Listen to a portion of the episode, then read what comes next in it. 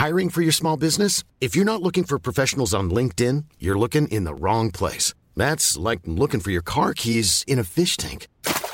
LinkedIn helps you hire professionals you can't find anywhere else, even those who aren't actively searching for a new job but might be open to the perfect role. In a given month, over 70% of LinkedIn users don't even visit other leading job sites. So start looking in the right place. With LinkedIn, you can hire professionals like a professional. Post your free job on linkedin.com slash people today. There's never been a faster or easier way to start your weight loss journey than with PlushCare. PlushCare accepts most insurance plans and gives you online access to board-certified physicians who can prescribe FDA-approved weight loss medications like Wigovi and Zepbound for those who qualify. Take charge of your health and speak with a board-certified physician about a weight loss plan that's right for you. Get started today at plushcare.com slash weight loss. That's plushcare.com slash weight loss. plushcare.com slash weight loss. Wow. Nice. Yeah. What you're hearing are the sounds of people everywhere putting on Bombas socks, underwear, and t-shirts made from absurdly soft materials that feel like plush clouds. Yeah, that plush. And the best part? For every item you purchase, Bombas donates another to someone facing homelessness. Bombas. Big comfort for everyone. Go to bombas.com slash ACAST and use code ACAST for 20% off your first purchase. That's bombas.com slash ACAST. Code ACAST. Ja, vi älskar Frölunda Ja, vi älskar Frölunda Hej och välkomna till avsnitt två av Frölunda-podden. Hej Niklas! Hej Ellen! Ja, men kul att eh, vara tillbaka igen. Vi har, vi har fått så himla många fina tillrop efter första avsnittet. Ja men verkligen, tack så jättemycket alla som har lyssnat och eh, skrivit till oss.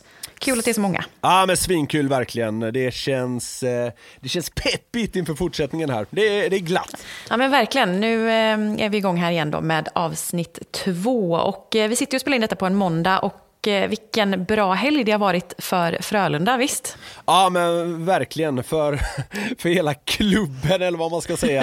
Herrarna Ja. tog en eh, blytung seger här i eh, lördags i Örebro med 3-1 och dagen efter tog ju damerna också en 3-1 seger hemma mot HV och den var ju väl också av det viktigare slaget så det var en, det var en helg av lättnad som vi har bakom oss. Ja, det kan man verkligen säga. Det kändes som att det pustades ut eh, både på lördag och på söndag. Men om vi börjar i Örebro då, 3-1. Eh, äntligen är trenden på bortaplan bruten. Ja, verkligen. Eh, det blev en tvåpoängare i Karlstad där veckan innan, men till slut då även en fullpoängare på bortais för herrlaget.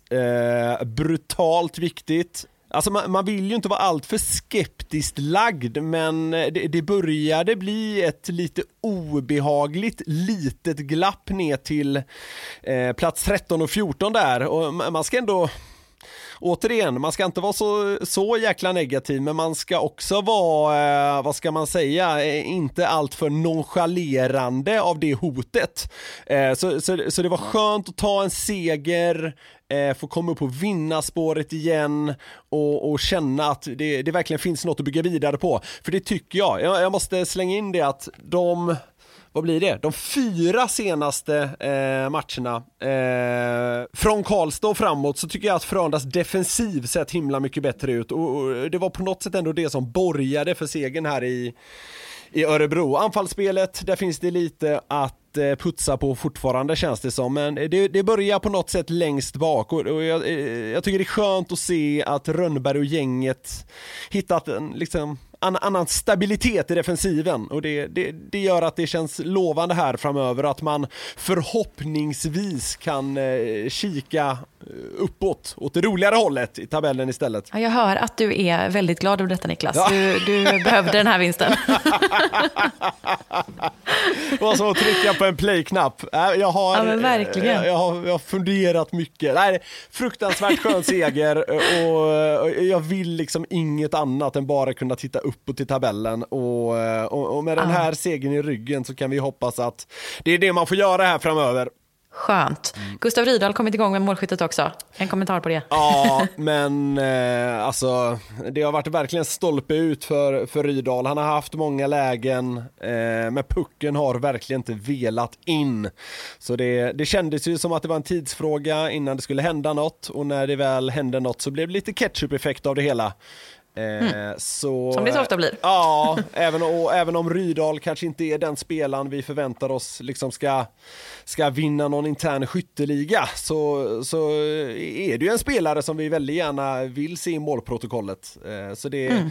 det känns skitbra. Den linan har, har verkligen hittat något. Eh, Gurra där tillsammans med ehm, Malte och Max. Ja, det blir spännande att följa. Och om vi hoppar över till Frölunda-Borg då, damerna, eh, som vi varit inne på, också en viktig match. Så de vann hemma eh, mot HV efter fyra raka förluster. Eh, viktigt, som sagt. Verkligen, alltså det, det, det har ju varit en grej det här med, med skadeläget.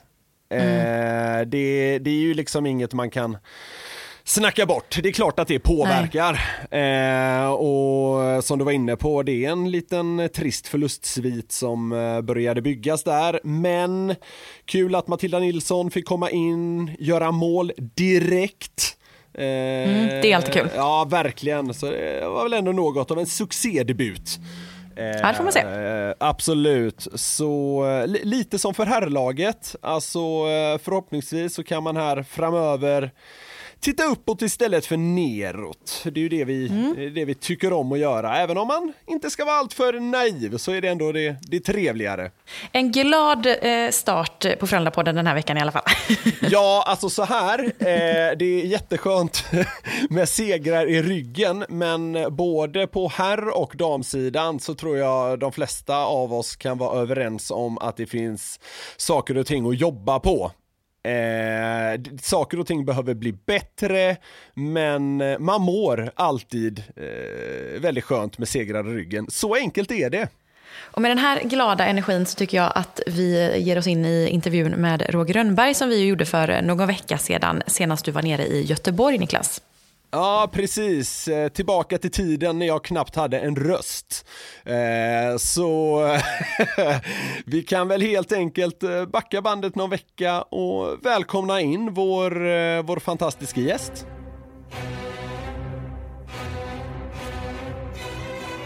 Han kom till Göteborg som en frisk fläkt med tunga meriter från juniorlandslaget och har sedan dess blivit en del av inredningen här på campus. Den här 52-årige norrlänningen har bärgat fyra CHL-titlar och två SM-guld iklädd Frölunda-kavajen och lär senare den här säsongen bli SHLs segerrikaste huvudtränare i historien. Att ha lett samma lag under snart 11 år i följd är nästan unikt i den här branschen.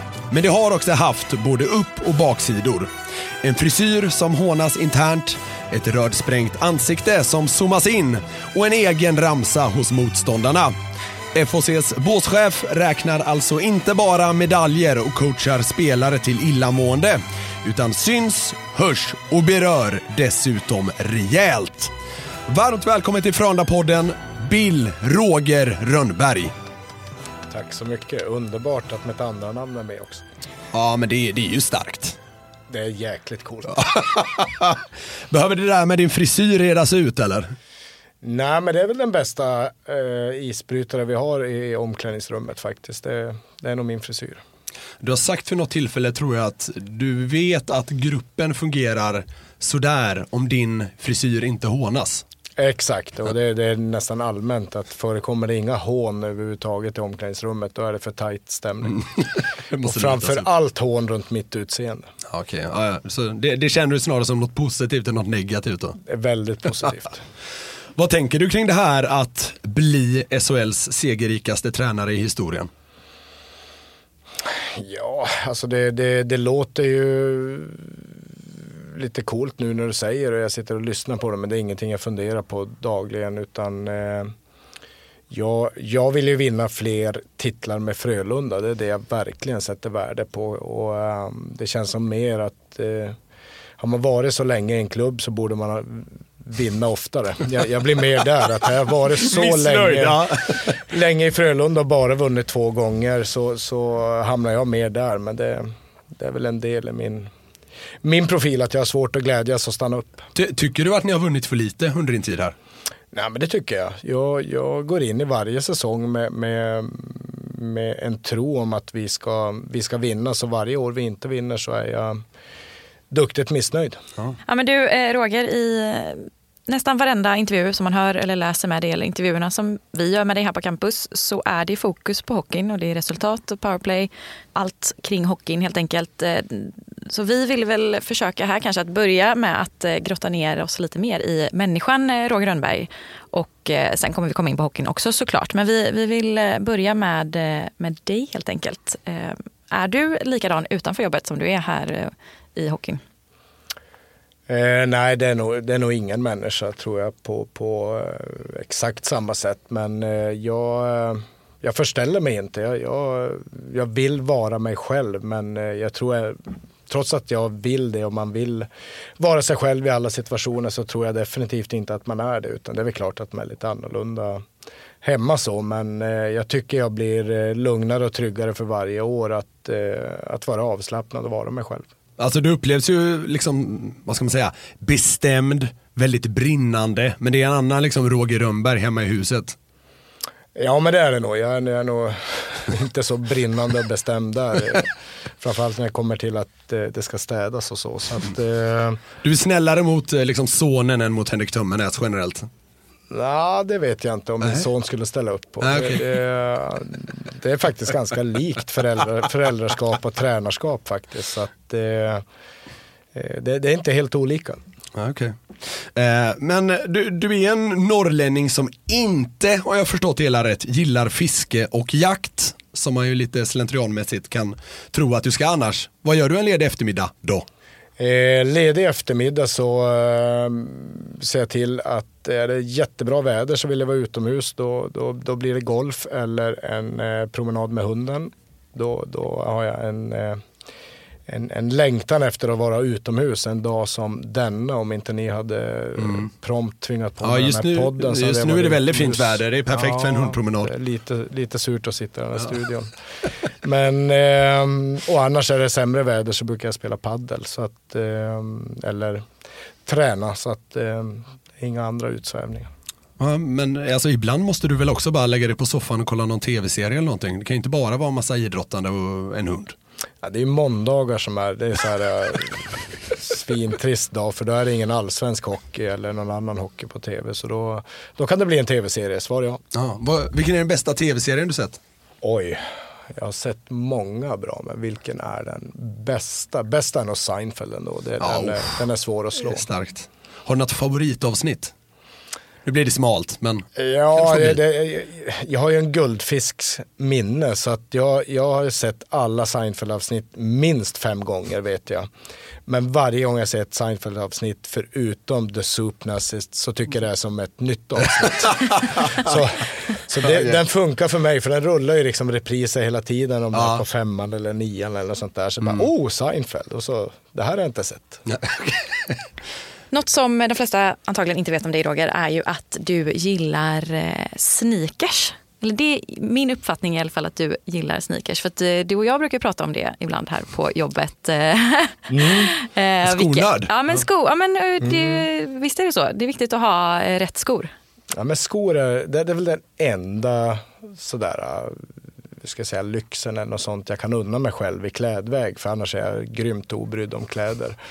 Eh, men jag tror att det har att göra med min uppväxt. Jag hade en polare som hade den perfekta uppväxten. Som alltid kom i snygga såna här Levis eh, jeans på den tiden. Och snygga rena dojor. Och, eh, jag hade det inte riktigt så utan jag sätter lite värde på det. Där är jag lite fånig faktiskt. Att jag kan komma i sådana skor som min, min, min dotter säger att hon skäms när jag tar på mig dem. Att jag är alldeles för, för gammal för att ha sådana skor tycker hon. Ja men du har ganska många skor, visst är det så? Ja, jag har för många skor, det har jag. Men, men det är inte extremt så. Utan, för eh, gammal. Det hos en lite 50-årskris nästan. Då. Ja, men det är det. det. Det är väl det. Det är väl bättre än att hålla på och tatuera carpe diem på, Ja, ja det, det hade varit något om du gjorde andra sidan. Men eh, det, det kanske är naivt att tro att det ska bli av. Ja, det hoppas jag verkligen. Det, då ska jag ha en dålig dag. Är du bra på att laga mat? Eh, ja, det tycker jag när jag tar mig tid till det. Ja. Eh, Däremot är jag jättedålig på det här att bara slänga ihop någon vardagsmat snabbt. Det tycker jag är jättetråkigt. Däremot när jag har tid att göra något som jag får mycket beröm för då, då, då är jag så, hur ska jag säga, bekräftelsetörstande så att det kan jag gärna göra. Stå och vispa i en risotto i timmar för att få den riktigt god. Jaha, är, är det paradrätten? Svar ja. Ja, okej. Ja, det är ju lite spännande alltså. Kanske borde, det är kanske nästa grej ni borde satsa på Ellen. Liksom någon slags matlagning hemma hos Roger Rönnberg.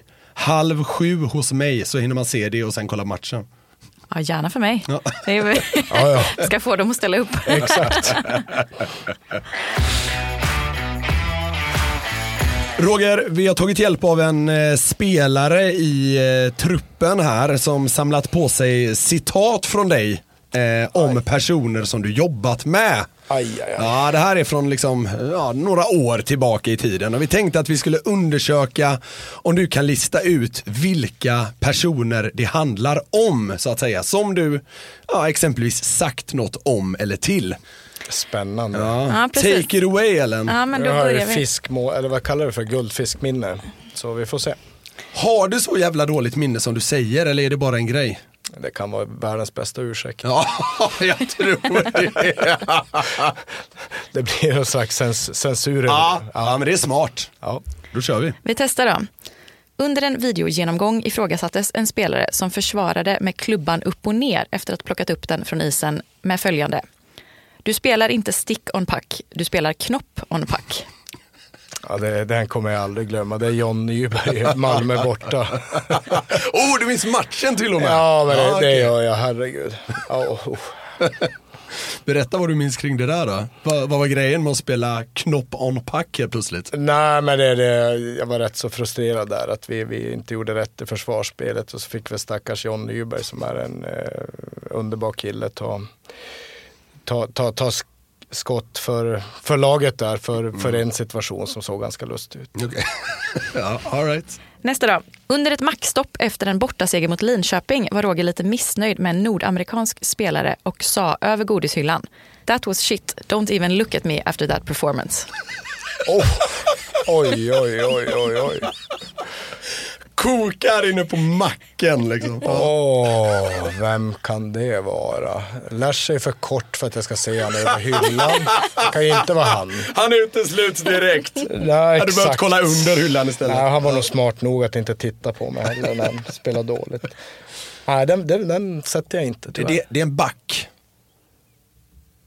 Var det Shay Genoway kanske? Nej. Nej. Matt Donovan. Matt, ja han kunde verkligen vara både godissugen och, och slarvig i spelet. Men en underbar kille. Så att det, det, ja, nej, det är en fantastisk människa. Var det inte Matt Donovan som var helt körd i hundar också? Ja, han gillar hundar. Han hade en Ja. jätte, Då borde ni haft det gemensamt ju. Ja, men hans hund var så jäkla dampig och jobbig. Så det var ingen god vovve. Hur, hur är din då? Otroligt bra. Ja, okej. Vad tänkte du? Ja, nej, Nej. Jag, vet inte hur du Nej, fantastiskt social. fostrar dina djur. Ja. Vi har en kvar. Under inlärandet av vårt system fick följande import forward följande läxa. I'm gonna teach you one Swedish word that you will need. Backcheck. Det, är- ändå charmigt. alltså, du, du är rätt vass på de här formuleringarna måste jag säga. Alltså, de, de är ju Ja. rätt skarpa. Jag hade förväntat mig att det här skulle vara mycket värre saker. Det här är ganska, ganska okej. Ja, ändå. du, vi får väl se vad som kommer. Men ja, Nej, den kommer jag inte heller ihåg. gör du inte det? Nej, vi har haft så många Men om vi då säger att den här eh, importforwarden var en center från ett annat europeiskt land. Var det Spasek då kanske? Så är det Stämmer va? rätt? Så var Ja. det. Spacek! Ja, Ja, det var de tre vi fick faktiskt. eh, För att eh, personen som skickade in dem trodde inte att de andra kunde vara med i podden. Ja, det var det jag varför tänkte. förbjudet? Ja. De här var snälla ändå. Ja, ja, ja man ska vara snäll. Ja, det ska man. Bamse. Men här, det, det var inte hans eh, främsta styrka, Spacek, att backchecka. Nej, nej det, det finns många andra bra saker den checken gjorde än att backchecka. Då har det blivit dags för vår lyssnarfråga. Vi låter eh, våra lyssnare skicka in eh, frågor till eh, gästerna här. Och, då har vi fått den här från en kille som heter Axel. Om du inte hade tränat Frölunda, vilket annat SHL-lag hade du helst velat träna? Du måste välja ett. Måste välja ett. Ja, måste. De är hårda Ja, lyssnare. ja det, det blir bara Det tuffare ju, och det finns ju tuffare så Roger. många man kan utesluta liksom snabbt där. Inte Luleå och inte Skellefteå. Eller kanske Skellefteå. Ta över efter Robban. Eller ta över, du ska ingenstans. Men, Alltså Färjestad, det finns inte en chans. Rögle, inte en chans. Nej. Ja, men vi säger väl Sk- Skellefteå då. ja, okej. Hur, hur kommer det sig att du utesluter Luleå så snabbt? Det är ju liksom den klubben du också har varit i så att säga. Nej, men mycket därför. Att jag, jag har varit där Okej, ja. och, och eh, jag eh, bestämde mig när jag var klar där att jag var klar där. Okej. Det, det, Så det blir konkurrenten istället eller vad man ska säga, att de är uppe i Norrland. ja, Skellefteå. Ja, Robban verkar väl trivas där va? Robban trivs jättebra och jag tror att Skellefteå, varför jag väljer dem, det är att de är precis som Frölunda en förening som eh, jobbar långsiktigt med utveckling och jobbar med unga spelare och eh, på många sätt är ganska lik oss. Behöver vi förtydliga att du inte vill dit egentligen? Jag vill absolut inte dit. Nej. Bra, rätt svar. Ja. Kanon. Okej, om vi ska eh, prata lite om dig som hockeytränare också då. Och här finns det ju mycket att eh, ta av. Men eh, om vi börjar med de här försäsongslägren som eh, vi har förstått att du eh, gillar väldigt mycket när ni är ute i skogen och kör och sådär. Eh, kan vi få ett favoritminne från eh, ett av de här lägren? Oj, ja, de är ju så roliga. I alla, I alla fall för mig. Ja är- exakt, är jag det, det, det tror jag är en eh, nyckelfras. Ja, nej men jag, jag kan komma ihåg ett eh, vi gjorde i Karlsborg tillsammans med, med um, armén där uppe. Så var vi ute i några dygn i skogen och eh, killarna fick sova under bar, under bar himmel eller under sådana här regnskydd. Och det var ganska tuffa fysiska aktiviteter och lite mat och lite sömn. Så de var ju rätt irriterade snabbt och jobbade i grupp. Och så hade vi en, eh, ett delmoment där din kompis Figren var med, Ja. Niklas. Där eh, de skulle gå fram till våran dåvarande psykolog och så skulle de i gruppen rangordna den i gruppen som hade bäst inverkan på gruppen. Som de tyckte tillförde mest i gruppen. Ja. Och det gick ju bra. Det tyckte de var kul. Men sen tyckte de absolut inte det var så kul att rangordna den som tillförde minst. Just det. Och då kommer jag ihåg att Mattis Olim och Figren fick något gemensamt bryt där totalt och stod och skrek i skogen att eh, alla möjliga otrevligheter till våran eh, dåvarande psykolog och jag låg och fnissade i lingonriset där och tänkte att eh, det är helt underbart att vi kan få fram de här reaktionerna mitt i sommaren istället för att det kommer mitt i brinnande seriespel för att skynda på processen för oss att bli ett lag. Vad var poängen med det då? Att man skulle lyfta fram den som bidrar med minst? Det känns inte så Frölunda-ikt. Nej, men det, det är ju en kommunikationsgrej som, som nummer ett att lära sig att kommunicera, nummer två lära sig att ställa krav på varandra i vad man gör, inte bara vem man är som människa utan att vi lär oss att vi, att vi gör det vi har kommit överens om att vi ska göra och att vi förväntas ge varandra feedback på det. För i vinnande lag är det precis det som händer, att eh, spelare ger varandra ge varandra feedback på sådana saker. I ett förlorande lag då är det alltid tränarens roll att eh, gå och korrigera saker. Så eh, det är en av de viktigaste sakerna faktiskt. Sen eh, eh, att just rangordna någon som är sämst, det är jäkligt eh, känsligt om man inte liksom har förtydligat vilka beteenden man, man, man är ute efter. Då inser man ju mer att det är sådana saker som alla kan göra. Just det. Var det det här lägret som det, jag har ju hört lite från uh, Figren som du var inne på där, eh, som det smugglades in lite snusdoser och det var både det ena och det andra. Ja, nej, men det tvingar ju dem att vara lite kreativa Ja. och, det, och, och täcka upp för varandra och hålla buset så för, mellan varandra i laget. Och så, även sådana saker tror jag är bra för det, det bygger ju lag. Ja, precis. Du, du sa där tidigare att du låg liksom i lingonriset och kikade på vad som hände. Och man har ju förstått att du är liksom en kontrollperson så gillar att studera spelarna och sådär. Eh, Jag vet att det en gång ledde till att du tassade på vad som ansågs liksom lagligt och inte när du befann dig på någon skidresa va? Ja, nu är det här figren igen. Det är, liksom, det är den största visselblåsaren vi har. Liksom. skulle ha Jag måste nyttja mina kontakter. Ja, jag skulle ha mutat Figge när han, när han liksom lämnade härifrån. Jag borde ha förstått att det här skulle hända. Men, eh, nej, men jag är egentligen ingen kontrollmänniska så, utan jag tror att människor eh, liksom växer utan kontroll. Men däremot så har jag ett oerhört intresse av att liksom följa mitt lag och följa mina spelare. Så nu har jag klätt in det lite fint så kan jag förklara vad som Verkligen. hände.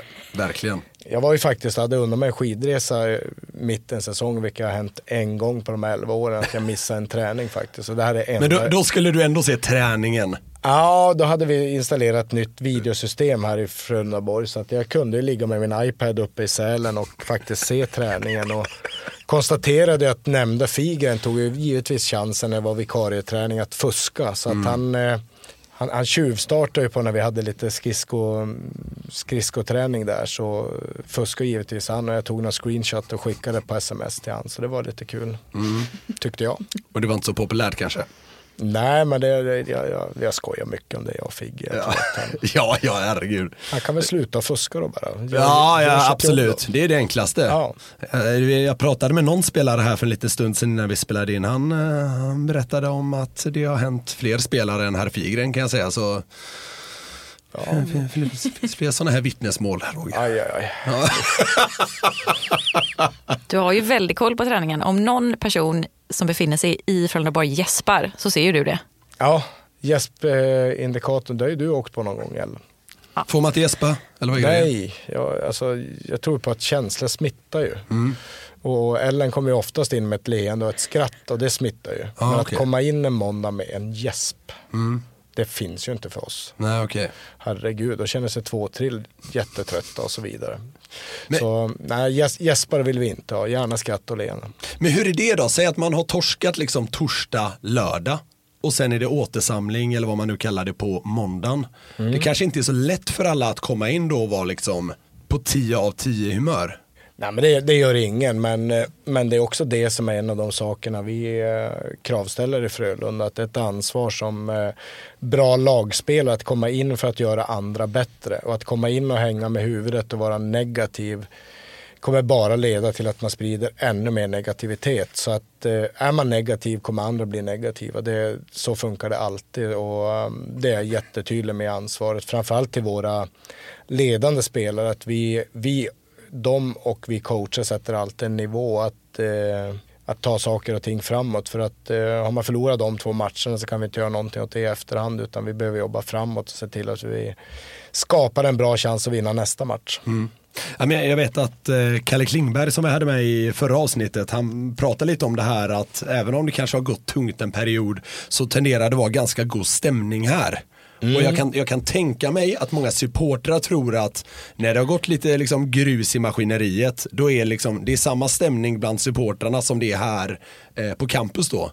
Men jag upplever att det skiljer sig ganska mycket åt. Att trots att det har gått emot så är ni ganska bra på att liksom hålla humöret uppe och det är ofta liksom glada miner på träningen och sådär. Jag tror så här Niklas, att eh, det är samma känsla en supporter och en spelare eller en ledare som coach känner. Skillnaden mellan oss är att vi måste spola av oss de känslorna jättesnabbt. För vi har ett jobb att göra, vi får inte vara kvar i de känslorna. Ett fan kan ju vara sur på en förlust i flera veckor. Men eh, jag och spelarna har ju, en, har ju ett jobb att göra som eh, den matchen när vi låg under med 4-0 mot Ja just det, det var HV. ett par veckor sedan här. Ja. Ja. Så, eh, så förstår jag att fans kan ju liksom rasa om det och det är säkert många som redan har sett mig lämna och river mitt kontrakt och tycker alla är helt värdelösa och någon måste få sparken och hit och dit. Eh, Och vi känner ju samma sak i båset och i, i laget. Alla känner samma sak men vårt ansvar är att snabbt komma tillbaka och att eh, i den periodpausen så, så både ledande spelare och vi coacher konkret tittar på vad ska vi göra i andra perioden. Det som har hänt, det har hänt. Eh, ingen ville att det skulle hända. Vi behöver inte hålla på och kasta skit. Så för att vi vet att alla är motiverade som är i Frölunda så vi behöver konkret komma vidare och se att vi hittar ett sätt att vinna matchen och det tycker jag är ett bra exempel på hur snabbt vi lyckades hålla känslorna i schack den Just gången. det. Ja just det. Det blir ett ganska bra exempel på det, på det vi pratar om.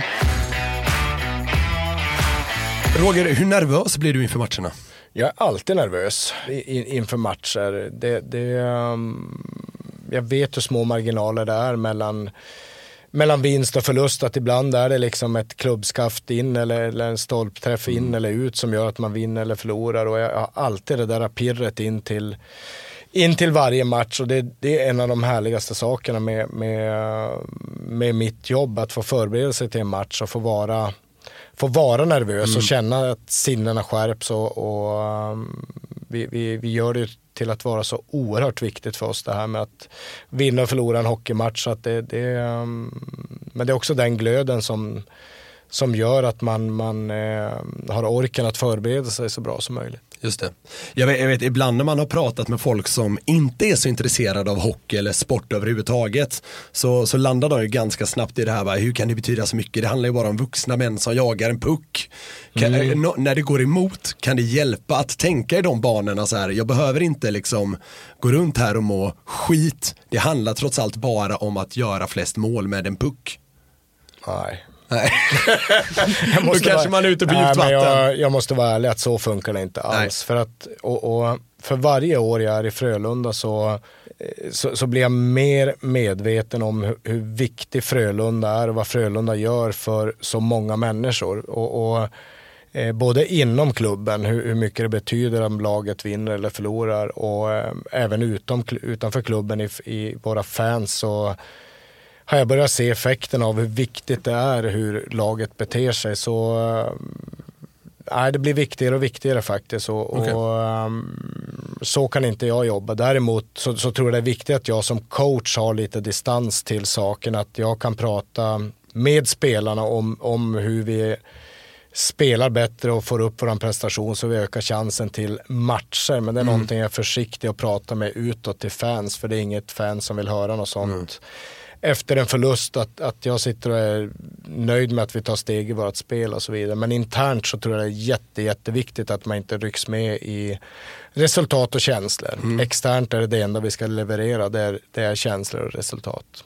Vi var inne på det att du säger att du är rätt nervös där inför matcherna. Jag tänker att spelarna har ju sina uppvärmningsrutiner. De är, spelar lite fotboll och sen, sen ut på isen och de har massa grejer för sig.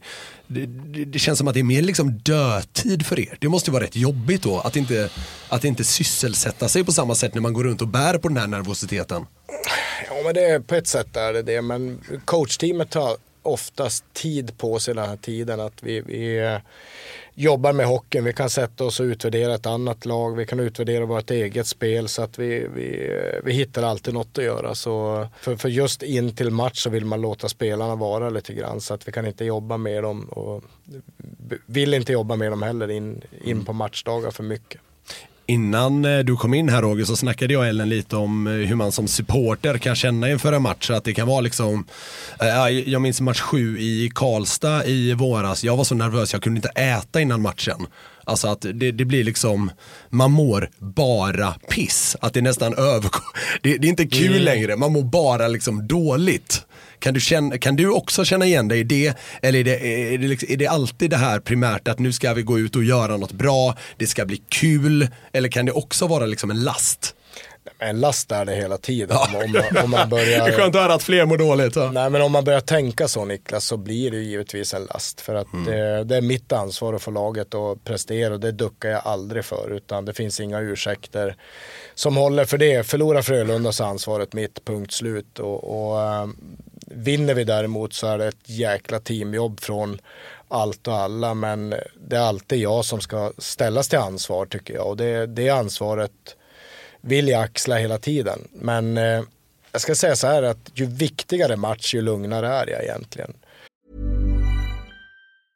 It's that time of the year. Your vacation is coming up. You can already hear the beach waves, feel the warm breeze, relax, and think about work.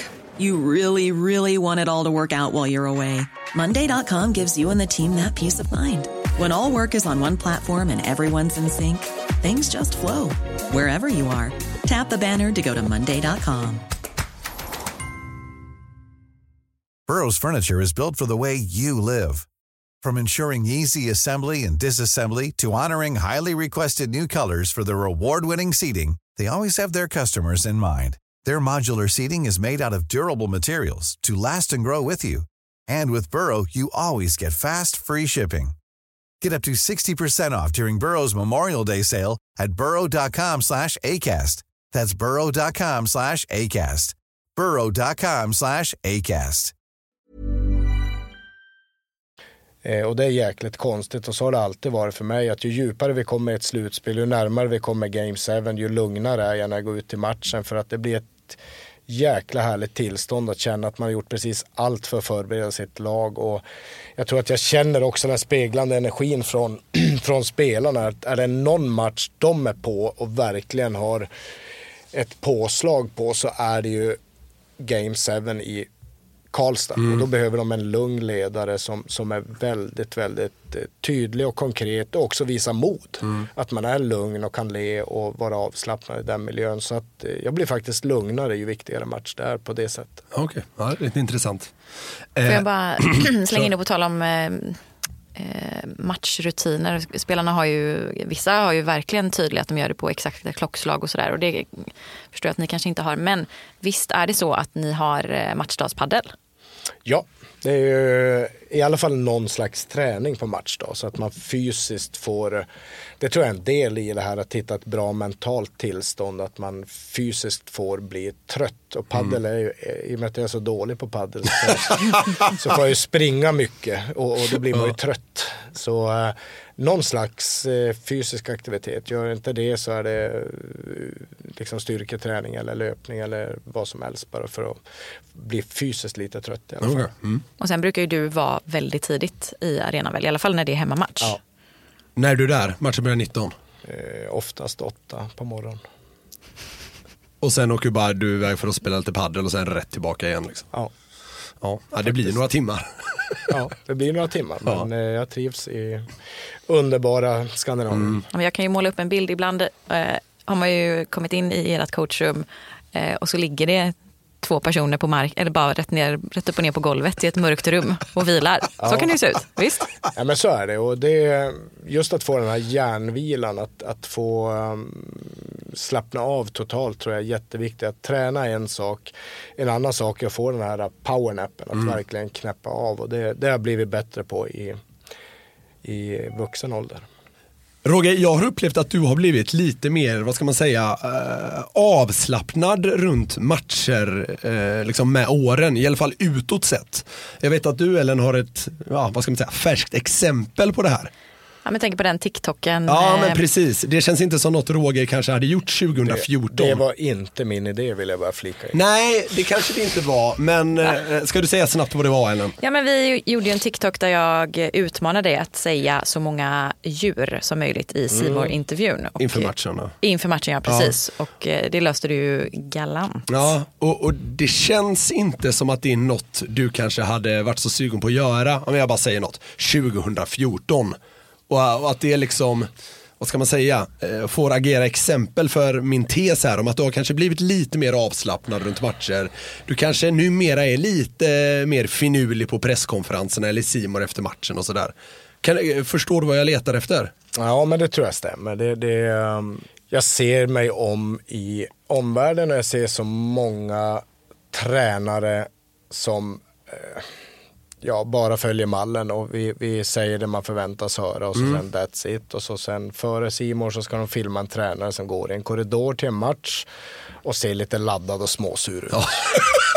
det ska ju vara när det är match. Ja, jag, jag, jag är lite småless på hela den där uh, i, I och med att jag har gjort det så oerhört många Mm. gånger så blir jag lite less och tycker "F- fanken kan vi titta på något roligare och liksom Då vänder man på det lite, liksom. Spice upp det Ja, lite grann ja. och, och skoja lite så men eh, ja, jag tror generellt så har jag väl också ett större lugn och självförtroende i mitt jobb så att jag behöver inte spela något spel eh, framför kameran eller på någon presskonferens och så vidare utan jag, jag tror att jag mer också vågar, vågar vara mig själv och vara mer avslappnad. Ja, okay. Det här kanske ska låta som en dum fråga, men jag tror inte alla riktigt... Ska du verkligen ställa den? Ja men eh, jag skyller på andra nu istället för mig själv här. Ja, du är som vilken hockeyspelare som helst. Nej, Hitta din men- ursäkt. Exakt. Men jag tror inte alla vet hur det fungerar när man liksom under match coachar kedjorna som du gör numera. Mm. Hur fungerar det rent konkret när du ska liksom få till ett byte till exempel? Nästa byte, Gurra. Ja, du säger centern helt enkelt. Ja. Så Okej. är det den kedjan som ska in och ändrar man i den kedjan så kan det vara Gurra Turell eh, Nässén. Okej. Kolla vilka ni byter med. Och då ska Torell Nässén ha kollat, okej nu kommer min ytterforward, då hoppar jag in där. Ja. Ja. Och ibland går det åt helvete och då kostar det två minuter. Det är ingen raketforskning. Nej, men det går ju så himla fort. Men ja, jag- det går fort. Ja, men, men jag tänker också att i, ibland så Ibland anpassar man väl lite om det till exempel är en defensiv tekning eller en offensiv tekning. Kan du då gå in och liksom ändra det beslutet? Säg att, eh, säg att eh, ni har lite press mot er och då väljer du en kedja utifrån det. Sen blir det en omställning, det blir en eh, offensiv tekning eller det andra laget kanske slår icing. Alltså, Ja, men det är absolut. Ja. absolut. Ja. Och då, eh, de faktorer jag tar in där, då, då ändrar jag hela tiden. Att har vi varit pressade så kan jag fråga Burström som har koll på eh, statistiken, att vad har vi för bästa tekare i def-zon? Okej. Sent in i matchen så, så brukar jag släppa in honom och han eh, säger det är Edström. Bra, in med Edström och tycker jag då att jag vill förstärka upp den kedjan, kanske lite defensivt så kan jag stoppa dit Max Friberg eller någonting sånt, att jag ändrar lite grann. Eller en offensiv eh, tekning, samma sak, att vem har bästa statistiken på att ta den tekningen så att den centern får ta det den, den kvällen. För det kan skilja ganska mycket från kväll till kväll. Just det. Eh, och ibland har vi hittat så tydlig profil på kedjorna, framförallt djupt in i säsongen, att vi kanske har en lite mer offensivt viktad ke- kedja mot en mer defensiv viktad kedja där, där Lasu oftast har haft det eminenta uppdraget att eh, vara en mer defensiv viktad kedja som, som får spela mycket mot motståndarnas eh, bästa kedja och, och neutralisera dem samtidigt som de skapar sina målchanser på att de, de offensiva gubbarna där springer bort sig och, och tar de här viktigare tekningarna i slutet av en period eller i slutet av en match. Jag, jag vet att ni inför den här säsongen pratar lite om att eh, matchcoachningen kanske skulle bli ytterligare lite mer aktiv den här säsongen. Eh, har det även varit så? Alltså, är, är det något ni har lyft lite grann? Ja, men lite mer att eh, i och med att jag är head coach eh, så kan jag ta de besluten och bara fråga mig själv att är, är det smart att spela max ett extra byte och så kommer jag fram till ofta ja. så när man frågar sig själv så får man ju bra svar. Tidigare så skötte ju min, min kära kollega Anders Burström det här och då var det att jag sa någonting till han som jag hade och han skulle utföra och det, det skapar en, eh, ett extra moment som är svårt när det går så här fort ett bås. Och, eh, plus att spelarna, viktigaste belönande konsekvensen en spelare får det är istid av sin coach. Och när jag har en annan coach som, som rullar forwards så kan de ibland komma, kunde de tidigare komma till mig när, när det inte var jag som hade ansvar att putta in dem på isen och säga varför får jag spela så lite? Och jag kände, spelar du lite? Jag hade inte hundra koll på exakt hur isdel, is, is, istiden var fördelad. Och nu är det jag som gör det och jag får ta de diskussionen och det tycker jag är en headcoach jobb att bygga in de konsekvenserna så att spelare känner att de blir belönade när de gör bra insatser för laget. Du, du kommer in lite lätt på det där, men jag har tänkt på en grej att till exempel när eh, powerplay är en lite sämre period eller att man har haft ett svagt powerplay i början av säsongen till exempel eller sådär. Är det du eller Anders Burström som ska ha skiten för det då? Alltid jag. Ja, alltså, så jag, jag fattar ju att du säger det, men Nej, är det inte det- Burström som sitter ner och liksom nöter powerplay med spelarna? Ja, men nummer, nummer ett så är det så här att allt som rör A-laget, det är mitt ansvar. Det är mitt ansvar att, eh, att hjälpa en powerplay-enhet framåt, att hjälpa assisterande spelare framåt. Vi jobbar aldrig helt enskilt i Frölunda, utan alla våra ansvarsområden går in i varandra. Och, och det börjar egentligen med management, coacher, där eh, management tar aldrig in en ny spelare utan att jag är med och tycker till. Vi går in i varandra så att vi kan stötta och utmana varandra. Och det är samma sak i powerplay att eh, Burström som är offensiv coach hos oss tar ju inga beslut om hur vi ska sätta ihop kedjorna, hur vi ska spela i powerplay, vilka som spelar i powerplay utan att jag är delaktig i det. Okej. Så, så jag är med i den processen hela tiden och det sker via dialog och därför så är jag alltid den som ska vara ansvarig till, till eh, hur vi spelar i powerplay eller med puck eller utan puck. Så det finns ingen när man jobbar i team så måste det funka så. Eh, vi, vi vill aldrig att varken spelare, coacher eller management ska, ska att vi pekar finger till enskilda personer om, om eh, är en rekrytering inte bra så är det lika mycket mitt, mitt beslut som, som det är Freddan och Väst som är, som är på management. Så att vi backar varandra där och vi tar beslut gemensamt och då tror jag också att man jobbar hårdare för att få det att fungera.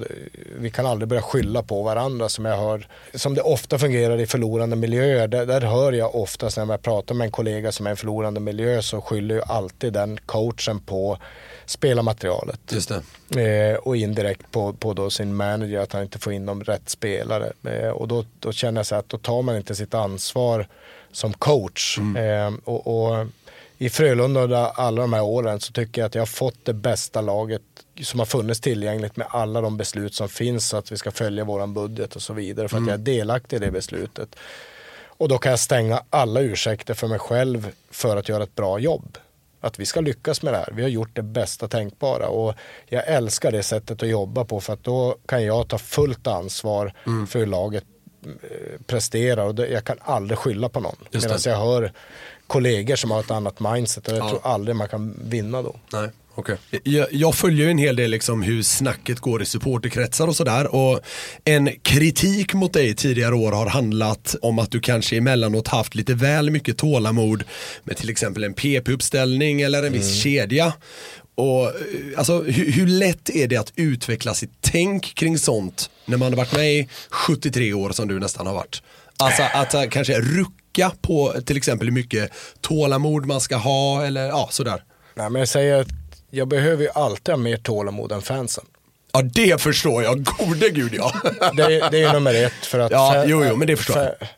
Fa- Fans dömde ut Arturi Lekkonen år ett, Viktor Olofsson år ett, fans älskar dem år två. Fan- Jerinala år ett. Je- Jere Innala nu är ju, är ju gud för Mm, vissa medan han i fjol skulle sparkas. Och därför så, så jag behöver ju ha ett medellångt, eh, hur ska jag säga, medellångt tålamod. Fans de behöver inte ha något tålamod. Alltså, det, det är en del av att vara fan. Man måste få tycka och känna och rasa och Ja. vill att alla ska få sparken och sådär. Ja, ja, ja. Eh, och sen när man vinner så är alla bra. Eh, Medan så kan inte jag jobba. Utan jag behöver ett medellångt tålamod och management ett superlångt tålamod. Så, så att de backar mig för att vi, i Frölunda har vi en, en, en vision, det är att vi ska göra människor bättre. Vi ska få människor att växa. Det är nummer ett hos oss, det är vår absoluta vision. Som gör att vi tror att vi vinner för att vi får utveckling på våra människor som vi tar in i Frölunda. Och därför så sätter jag det som mitt ansvar att få en spelare att spela bättre och därför så har jag jättelångt tålamod. För att jag har så många exempel när vi har haft tålamod fått spelare att verkligen spela bättre. Eh, vi hade Filip Hasa i fjol som ett bra exempel som, som eh, kanske var bästa back i, i Färjestad-serien i, i kvartsfinalen och, och var fantastisk i slutspelet som, som eh, före jul inte alls spelade lika Nej, bra. nej. Mm. Eh, och jag ser ju att han inte spelar bra. Och det är det jag tror att fans inte förstår ibland. att eh, Ser verkligen inte Roger att han spelar dåligt, ta bort han. Eller ser inte Roger att powerplay är dåligt, gör någonting åt det. Och det är där man skulle önska att fans skulle se vad vi gör på en dag. Nej, men ä, en riktig klassiker är ju att man, eh, man gastar om att ni ska agera. Till Mm. exempel, så här, agera. Men eh, Vad är det då? Ja, nej, jag tycker det här är väldigt intressant. För jag har länge liksom, eh, vad ska man säga, varit lite anti det. För jag tycker det känns ganska självklart att ni gör inget annat än agerar såklart, men att det inte syns utåt. Att många tycker att ni agerar inom citationstecken när ni river ett kontrakt, när någon bänkas, när ni tar in en ny spelare. Att du skulle kicka sig till exempel att agera. Förstår du vad jag menar? Men att det ni gör är väl bara att sitta här inne i Frölundaborg och agerar. Ja, det, jag vet inte, agera, det är ju... Justera, jobba med förbättringar. Ja, alltså, alltså, jag, jag tänker på hela det här att man... De som följer Frölunda har ju följt oss nu de sista tio åren, de flesta av våra hardcore-supportrar. Eh, att de fortfarande sitter och hoppas på att jag ska få sparken efter en dålig period. Ja, men, ja. Det känns ju som men det, det är ju vad det är det där med att Kan, träna kan man inte hoppas på något annat då? Jo, jo, jo. jag kommer ja, inte få sparken efter en dålig period. Nej, nej, 100 Så procent. men... och, men däremot så är ju hockeyns kultur är ju så här att man tror att allting blir bättre för att man gör saker som utåt syns att man har gjort något. Men det är det jag och, menar. Och jag kan tycka att det är oftast eh, otrygga klubbar och otrygga ledare som gör sådana saker. Att jag pratar med, med, de här, med Rylander framför allt, det här med timeout, ett typiskt exempel. Ja, det, här- det här har varit en återkommande diskussion. varför tar inte Roger en timeout i första perioden när det står 2-0 till bortalaget? Mm. För att nu vart det 3-0. Och då tror alla att 3-0 hade aldrig kommit Nej. med timeouten. Nej. Och jag har en helt annan erfarenhet, men jag har ju bara varit tränare i 32 år. Mm. Så vad vet jag? att eh, tidigare i min coachkarriär så tog jag de här eh, timeouterna för jag kände mig pressad. Jag hade Man ska inom citationstecken Ja, göra jag kände det. mig jagad av, av fans och av, av kanske av sportledning att fan jag behöver bevisa mig själv. Så då tar jag en timeout och så skäller jag på laget. Sen att det blir ännu sämre, att de blir ännu mer stressade av timeouten spelar ingen roll för att jag skyddat mitt eget skinn. Mm, och det tycker jag är värdelöst att göra saker som får mig att framstå som handlingskraftig men i själva verket vet jag att det skadar laget. Det är för Mm. mig totalt oviktigt. Så att jag gör inga sådana saker. Jag, jag nämner aldrig spelare utåt som jag tycker spelar dåligt om du har tänkt på det. Att jag, jag går inte ut och rasar över att stjärnorna inte Nej, levererar nej, nej. utåt. Jag, Det gör ju vissa andra tränare. Ja, jag, Ja. Gör, jag väljer att inte göra det. Däremot internt Mm. så ställer jag en enorma krav på mina spelare på hur de ska bete sig och vad de ska göra. Eh, och, och internt så agerar vi så inåt helsike och tar den obekväma Mm. vägen och är oerhört självkritiska. För att jag tycker att, att agera, till exempel att en sportchef ska sparka en tränare. Varför gör sportchefen det? Och i de flesta fall när jag ser det är det för att rädda sitt eget skinn. Och, och jag menar, är det viktigast att en sportchef räddar sitt eget skinn eller att man gör förbättringar som gör att laget kan vinnas långsiktigt så Nej, jag, jag, jag tycker att vi har kommit längre än så i, i, i Frölunda att vi jobbar med, med, med eh, en process som är hela tiden oerhört kravställande och där det är, det är väldigt, väldigt jobbigt att vara i Frölunda som spelare och ledare för vi är aldrig nöjd. Nej. Och vinner vi en match eh, där vi har lite stolpe in så är det jättejobbigt att vara i Frölunda för, för både headcoach och assisterande kan vara oerhört missnöjda och vilja ha lite mer eh, och så vidare. Förlorar vi två raka matcher, Mm. det, det är nästan eh, odrägligt att vara här men det ser ju inte fans. Nej, jag, jag har inte bänkat någon, jag har inte tagit en timeout och ingen har fått sparken. Eh, och, och det är det man alltid tror blir bättre och det, det har jag pratat mycket om. Där vi förra året hade problem med powerplay och vi böt alla spelare mellan två enheter, tre enheter och det blev inget bättre. För att vi i slutändan kommer på att vi har gjort helt fel analys på vad ett viktigt powerplay är tillsammans med våra kärnspelare. Eh, nu har vi gjort den analysen klar och gjort kraftiga förbättringar i hur vi spelar powerplay och helt plötsligt så har vi, är vi nu ett topplag i, i powerplay-ligan. Nej men, men alltså, du, du kom in på det här Roger, det som jag egentligen ville åt när jag, när jag sa det här om att väldigt många vill att ni ska liksom agera. Och jag vet vad du kommer svara nu men frågan blir ju liksom så här, kan folk när det går emot för Frölunda känna sig trygga med att ni gör inte så jäkla mycket annat än agera. Det är bara det att det, liksom, det kommer inga pressmeddelanden utåt. Nej, alltså vi, vi agerar ju, men vi agerar ju inte genom att sätta ut en syndabock. Att vi, vi har ju inget offerlamm. Nej. Att jag går ut och säger att ja, men den där pucken skulle målvakten ha tagit, nu sparkar vi han eller nu får inte han spela. Mm. Utan om du har hört mig på någon sån intervju någon gång så säger jag oftast att eh, vi måste spela bättre försvarsspel för att få målvakten att bli bra. Eller Och så det- tycker du att det är ditt fel. Ja, och det är, för att, det är för att vi är ett team, att vi backar upp varandra, att vi tar ansvar för att vi jobbar i lag i Frölunda genom hela föreningen och backar upp varandra och, och det har svår, folk svårt att förstå.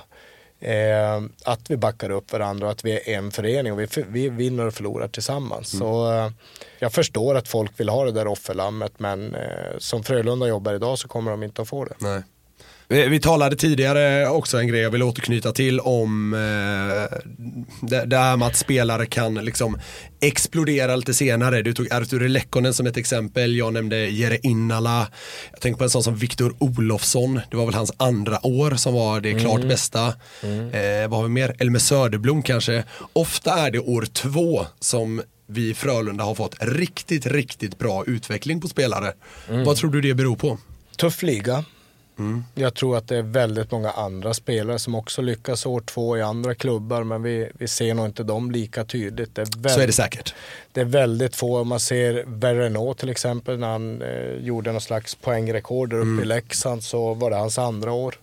Var väl Oskarshamn året Ja. innan det. Så att, eh, och för sig väldigt bra ifrån sig där med, men absolut, det finns ju fler exempel utanför jag, Frölunda. tror, Ja. jag, jag tror att det är så. Sen kanske vi är extra exceptionella i, i Frölunda för att vi sätter väldigt stor vikt vid att man ska vara vältränad fysiskt. Vi, vi, vi spelar ett högtempo ett högtempospel som ställer stora krav på spelarna att vi spelar i högt tempo. Och, um, det, det kan ta ett tag för spelarna att uh, alla de spelare du nämnde här har ju haft många saker fysiskt som de har velat behövt bli bättre i för att kunna spela en snabb höghastighetsishockey och när de väl kan det så kan de använda sina skills. Och um, det är inte bara att Artur Lekkonen haft nytta av det i Frölunda utan jag var ganska glad att se han så enormt explosiv och, och skicklig i hög fart i Colorado när han vann Stanley Cup nu också. Det, det är liksom samma egenskaper där i världens bästa liga som krävs här i, i, i, i SHL. Så um,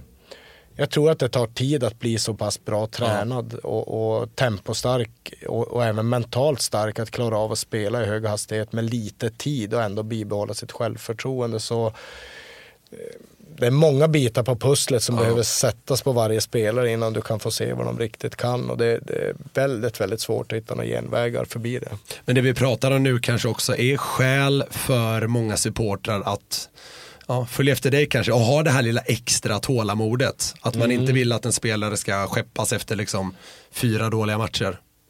Nej, och det tycker jag är lite tråkigt för att om, om, om supportrarna skulle se hur gärna de här killarna vill. Om vi skulle få in en spelare som inte vill i Frölunda, som har dålig attityd, dålig karaktär, en dålig lagkompis och som är låg i motivation och inte är motiverad att spela för föreningen. Då tycker jag att supportrarna ska ha kort tålamod. Eh, sådana spelare vill vi inte ha hos oss och sådana spelare accepterar vi inte ha hos oss. Men jag tycker att tålamodet är alldeles för kort med att någon ska leverera. Man pratar om leverans, man börjar prata om, jag hör mycket det här med spetsvärvning. Och, och det gör att det här, nöt, det här når ju spelarna. Och jag ser ju att eh, stor anledning till att de inte för att prata fanspråk, levererar är ju att de är stressade för att de tror att det är det enda de ska göra i Frölunda, att leverera. Att de ska göra mål, assist och liksom synas där i den kolumnen. Och glömmer ju bort att det är ett lagspel, att de är ju också här för att göra sin kompis bättre och se till att man blir en del av en enhet, av en bra kedja, en bra powerplay-enhet och så vidare. Så det är lite stressat tycker jag i, i hockeyvärlden idag. Att, att eh, man har lite, lite bråttom så, framförallt med sådana egenskaper att man ska vara offensivt slå igenom men, men jag, jag tycker Frölunda är så mycket mer av det att vi, vi är en jäkla fin förening där vi, där vi jobbar tillsammans och gör varandra bättre och, och um, där tycker jag, där kan gärna fansen få ha kort tålamod om jag, om jag har någon spelare som, som inte spelar för laget. Det, eh, det är det viktigaste jag fick höra innan jag började i Frölunda av fans att eh, att, att så länge spelarna spelar för klubben och för, för, för varandra så kommer fansen att stötta dem för Ja. att Göteborg är en eh, arbetarstad där, Mm. där eh, man har bra ideal på att eh, alltid göra sitt bästa och jobba hårt och det, det har jag tagit fasta vid här i, i 11 år och tyckt att det är det viktigaste vi får in i, i vårt lag. Sen blir det också så Roger att liksom ditt humör eller temperament är ju en snackis. Är det lite så, undrar jag då, att så här, du är en Roger Rönnberg med laget och att du kanske är en Roger Rönnberg med dina eh, närmsta kollegor. Alltså kan man ibland behöva, eh, vad ska man säga, sätta på som en fasad inför, inför spelarna, till exempel i samband med en match?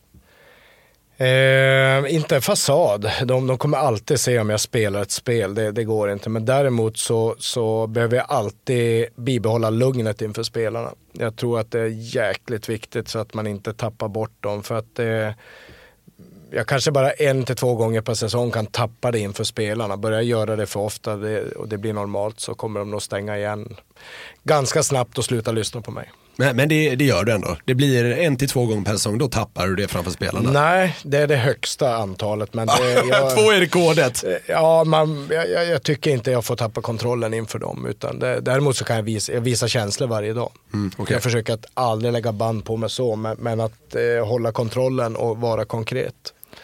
För det finns ju ett klipp som inte har lämnat eh, Frölundaborg om man säger så. Jag tror att du vet vilket klipp eh, jag pratar om. Det är från en match för några säsonger sedan eh, i en periodpaus eh, där det är ni coacher som eh, ja, pratar med varandra i, innan ni ska gå in till laget. Pratar och pratar. Vi är nog ganska, ganska frustrerade och arga på det tror jag. Ja, jag tänkte att eh, ni lyssnare ska få höra lite här. Det här är en unik inblick i tränarrummet i Ängelholm. När det inte har gått så bra. Ja, det är en bra grej också. Klart vi gör det. Fan, vi har tre frilägen. Ja, vi spelar bra. Ja, bra lägen, minst lika bra lägen. Underbara domare. Under. Ja, vi kan ju heller inte lägga oss ner och dö för det nu. Nej, inte fan ska vi lägga oss ner. Det har jag aldrig gjort. Då kan vi vara förbannade. Absolut. Sjukt jävla irriterande. Ja, mycket bra grejer. Alltså kör vi lite off- offerkofta här nu i tredje, då rossar det iväg till, Nej, fan. till 4-5. Nej, vem fan har sagt att vi ska göra det? Det finns inte en Nej, nej, chans. men du förstår vad jag menar. Ja, det finns inte en chans. Helvete, vi måste ge... Fan, skapar ju... Men vi måste bli av med Nej. frustrationen här innan vi går in till killarna. För vi går inte in dit så här för fan med en jävla hängskall. Det är nog bra det. Dömde de bort det? Ja. Vad förstärker vi? Tydligt budskap inför tredje. Killarna är lika frustrerade som oss. Deras tankar virvlar och far. Vad förstärker vi tredje, inför tredje? Ja, man kan inte gå in till spelarna med hängskalle. Det tycker Sjöström. Det är en bra idé. Ja, men det är bra. Sjöström är oftast den, eh, den lugna analytiska tillsammans med Burström och, och Näslund och Rönnberg är ju två bullterriers som går igång. Och, ja, men det kan vara så direkt efter en period så kan ju frustrationen vara enorm bland oss att vi inte får ut det vi Mm. vill. Det vi vill och, och ehm, det kan vara bra att stänga in sig i ett rum och bara få avreagera känslorna och det, det har hänt många gånger att det både gått sönder saker och jag tror någon gång så kastade Näsström en massa tuggummi som landade på mig och vi, det var nästan hand, handgemäng mellan oss två och, och eh, där är vi lite olika så Sjöström är ju alltid lugn och metodisk Mm. och, och kan hålla ner och så även Burström. Så att, eh, men sen när man går in till killarna så är det jäkligt viktigt för att det, det, det man alltid ska utgå ifrån det är att de har varit lika arga.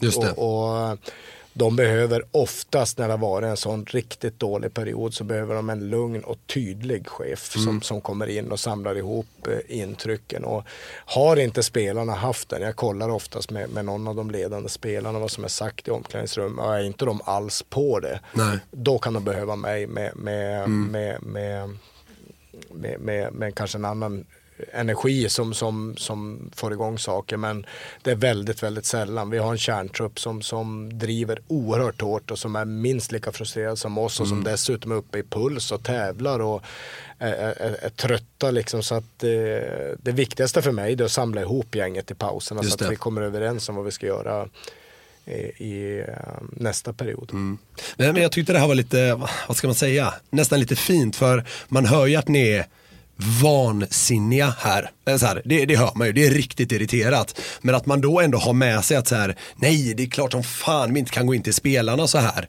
Utan då får man stålsätta sig lite när man ska liksom Ja, in och det- försöka förmedla någonting.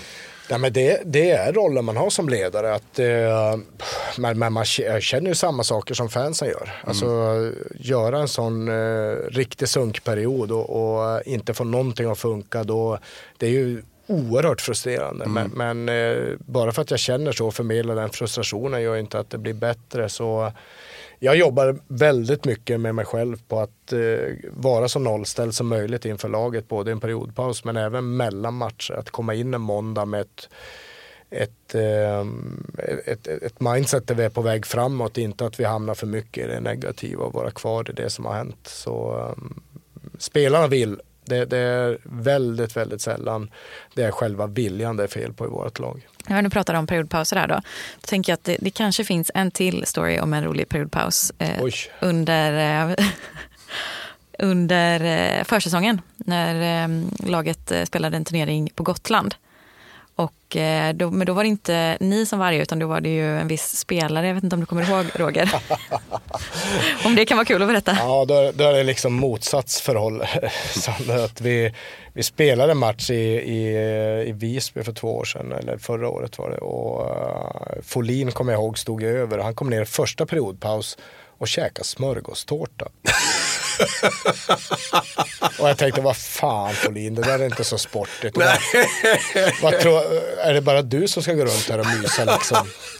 Så då kom han ner periodpaus två och hade med sig smörgåstårta till coacherna. Och jag, jag har ju jättedålig karaktär så jag började mumsa på den där Mm. smörgåstårtan och precis då så kommer Max Friberg in som precis har rivit av laget och liksom är arg och får syn på mig och, och sen fick jag mig världens utskällning. Alltså, han var inte imponerad över att jag satt och käkade smörgåstårta i rummet. Huvudtränaren sitter och käkar smörgåstårta efter en skitperiod. Ja. ja, då fick jag mig en duktig utskällning av Max och det, det förtjänar jag. Ja, det är bra.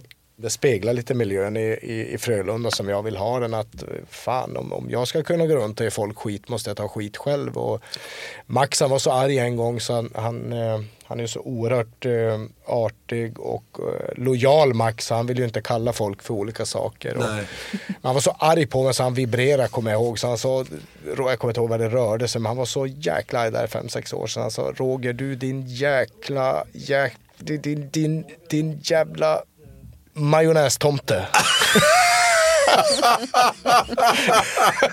så, Det är bra. Jag vet inte ens vad en majonnästomte är men det, brukar jag påminna om. Det, det, det, kan jag ta liksom. När en Eh, svärmorsdröm ska säga något riktigt taskigt. Ja, det var det taskigaste. Det Han kunde komma på. Ja. Så, uh, nej, men det, jag älskar när miljön är så. Det, det, den, den är levande och den, den är prestigelös. Man ger och tar lite grann. det, ja, lite, massor. Så länge jag får äta smörgåstårta. Ja, underbart. Okej Roger, precis som eh, Klingberg i senaste avsnittet eh, så ska du också få eh, ge ett tips till lyssnarna och till oss. Och det kan ju handla om precis vad som helst. Har du något bra tips på lager? Oj, vi, vi pratade häromdagen om, om, om, om en grej som jag tror skulle vara bra. Att, att lära känna sig själv. Vi gör ju personlighetstester på, på våra spelare och det finns ju DNA-tester till och med. Vad man eh, tål för slags mat och vad man är för typ av människor och så vidare och vad man har med sig sina gener. Så skulle jag ge ett tips så skulle jag ge det till unga människor att lära känna dig själv. Gör ett personlighetstest, gå till en beteendevetare, gå till en psykolog och inse att du är annorlunda men du är normal. För alla är annorlunda. Att lära känna sig själv för att kunna studera världen runt omkring sig och inse att det är inte mig det är fel på utan det är, jag tolkar världen utifrån eh, mina förmågor som jag har fått med mig som, som människa i, i att jag är unik. Så att, eh, det kanske är lite, lite för djupt tips. Nej, absolut vill inte. restaurangtips eller. Nej, man får, man får tipsa om vad man vill. Men det är lite kul för Kalle tipsade ju i första podden om att man skulle, vad var det, njuta av livet i princip. Ja. Och nu kommer Roger med att man ska lära känna sig själv. Jag, jag tycker det är lite härligt. Börja starkt. Ja, verkligen. Det är visa ord. Det är fan oväntat från Klingberg Rönnberg. Ja, det är det. Men ni kan ni med. Det är fint, tycker jag. Ja, då är vi väl eh, klara med avsnitt två av Frölunda-podden där. Så ser det ut. Tack för att du eh, ville komma hit och surra lite Roger. Ja, det enda jag funderar på, hur kommer jag efter Klingberg? Varför var inte jag först? Ja, vi ångrar oss kanske här nu efterhand. Jag har inget bra svar på det. Så, här, så det som är det enkla svaret på det är att eh, du kan inte få vara liksom störst, bäst och vackrast hela tiden. Du får släppa fram dina spelare också. Det är precis det jag är till för. Underbart. Härligt Roger. Tack så jättemycket. Tack till alla som har lyssnat. Vi hörs igen om eh, två veckor. Det gör vi. Tack för att ni har lyssnat och ha det fantastiskt tills nästa gång. Hej då! Hej då.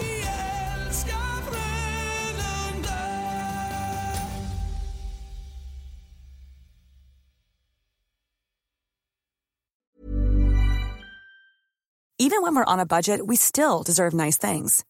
Quince is a place to scoop up stunning high-end goods for 50 to 80% less than similar brands.